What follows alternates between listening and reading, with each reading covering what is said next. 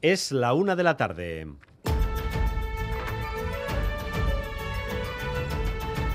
Crónica de Euskadi con Dani Álvarez.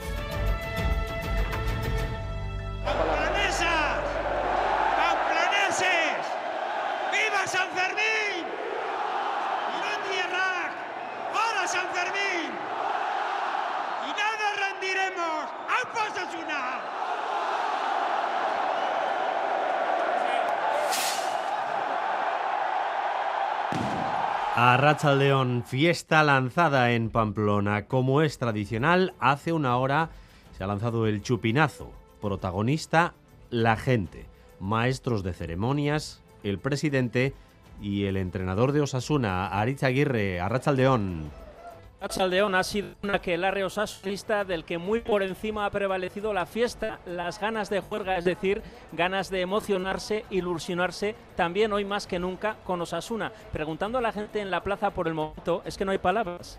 brutal, brutal, brutal. Nuestra primera vez en el ayuntamiento y ha sido una experiencia única. Insuperable, insuperable indescriptible. Un chupinazo con mucha más gente que el año pasado. La policía municipal ha tenido que cortar los accesos de la cantidad de gente que había. Un chupinazo con muy buen ambiente, teñido de rojo sasunista y rosa de sangría. Eso sí, con eh, los capitanes de Osasuna bailando en el balcón, el presidente Sabalza rompiendo el protocolo para decir que Osasuna nunca se rinde y en el chupinazo reivindicativo, eso sí, en la plaza las icurriñas de siempre. Ahora la fiesta se abre camino por las plazas de Iruña.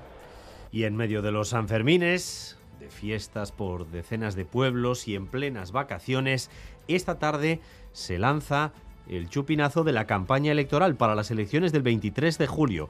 Son las elecciones más reñidas seguramente desde los atentados del 11M. La pugna entre izquierda y derecha tendrá además en nuestro país el interés de saber que a priori la victoria se la pueden disputar hasta tres partidos. Y Manuel Manterola. PNV, H. Bildu y el PSE son a priori los grupos que tienen esas opciones, pero en todo caso estamos en Euskadi ante una campaña con dos perspectivas. O Sánchez o Feijo, ese es el marco que van a buscar el PSE y el PP con un sumar que quiere ser clave para sumar mayoría de izquierdas, mientras PNV y H. Bildu quieren salir de esa disyuntiva y poner sobre la mesa que lo que está en juego también es la representación vasca en el Congreso. Hoy, excepto el PP, que lo hará en Donosti, el resto arranca campaña en Vizcaya. Una campaña muy galega. Hoy con Feijo y Yolanda Díaz en Galicia, Pedro Sánchez en Madrid y una única certeza, de estas elecciones seguramente saldrá otro gobierno de coalición, de izquierdas o de derechas, pero un gobierno de coalición.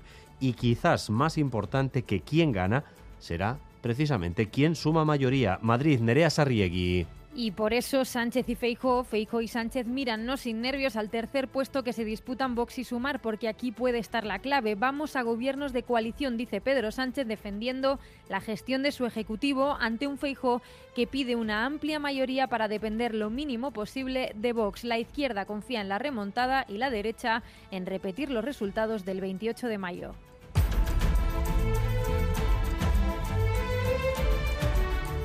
Enseguida les vamos a adelantar algunos datos sobre las bajas de la Archaincha durante los días del Tour, especialmente en la brigada móvil. Las bajas, la medida de presión que han utilizado agentes del parasindicato Archañas en lucha. Pero antes, sepan lo que ha ocurrido hoy en Vitoria. Hoy es jueves y todos los jueves suele haber manifestación de Archañas, manifestaciones que suponen el corte del tranvía. Y hoy se ha cortado otra vez el tranvía, Gary Suárez. Sí, pero hoy tampoco había manifestación, Dani. Vamos a hacer un repaso rápido, porque pasados unos minutos de las 9 de la mañana, Euskotren ha anunciado en Twitter que el tranvía entre Sancho el Sabio y Angulema quedaba cortado por manifestación.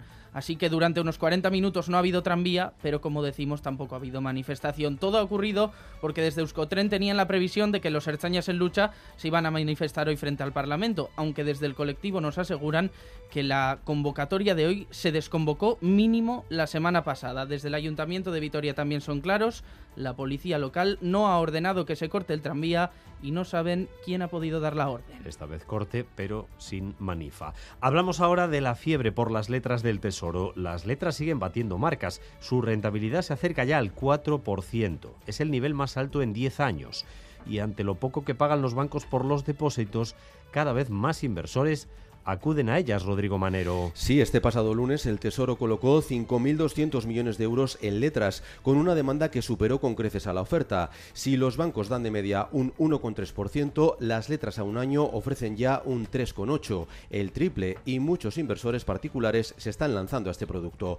Aunque comprarlas no es fácil, se puede hacer físicamente en las oficinas del Banco de España, en su web o con mediadores que se quedan una comisión. La próxima subasta será el martes que viene. Y todo dispuesto en Covetamendi para la celebración del BBK Life. Este es el ambiente que se respira ya en el camping.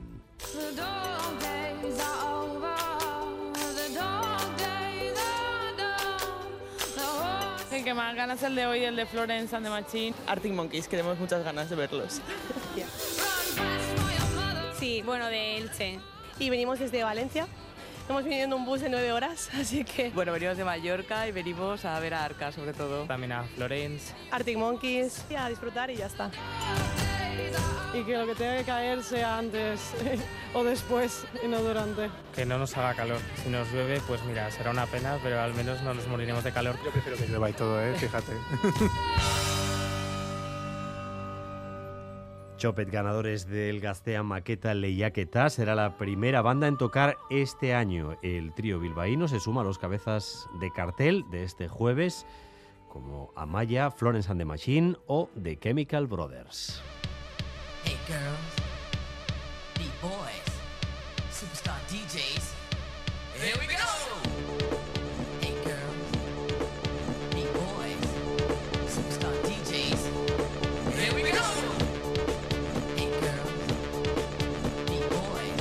Las 5 de la tarde se abren las puertas del recinto, siete escenarios y además de los ya citados Arctic Monkeys, Pavement o The Blaze. Se espera la asistencia de 120.000 personas. Y vamos también con lo más destacado del deporte, con Álvaro Fernández Cadierno, Arrachaldeón, Álvaro. Arrachaldeón con el Tour y esa primera jornada con final en alto en los Pirineos. Hindley es líder, Vingegaard a 46 segundos, Pogachar a 1.40.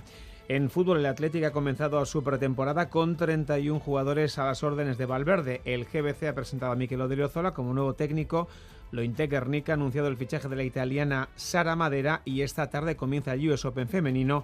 Allí tendremos a Carlota Ciganda. Y en cuanto al tiempo, ojo porque vuelven las tormentas. El Departamento de Seguridad, de hecho, ha activado para la tarde este jueves un aviso amarillo ante la posibilidad de que se produzcan precipitaciones intensas en Guipúzcoa y Álava. Temperaturas además que van a superar los 30 grados en todo el país. Así que desde ahora y hasta las 6 las temperaturas podrían rondar los 33-34 grados de máxima. Las precipitaciones intensas se esperan a partir de las 3 y especialmente, insistimos, en Guipúzcoa y en Álava podrían venir acompañados esos chubascos de rachas de viento fuerte y granizo. Gracias un día más por elegir Radio Euskadi y Radio Vitoria para informarse. Raúl González y Arancha Prado se encargan de la dirección técnica, María Cereceda de la coordinación. Crónica de Euskadi con Dani Álvarez.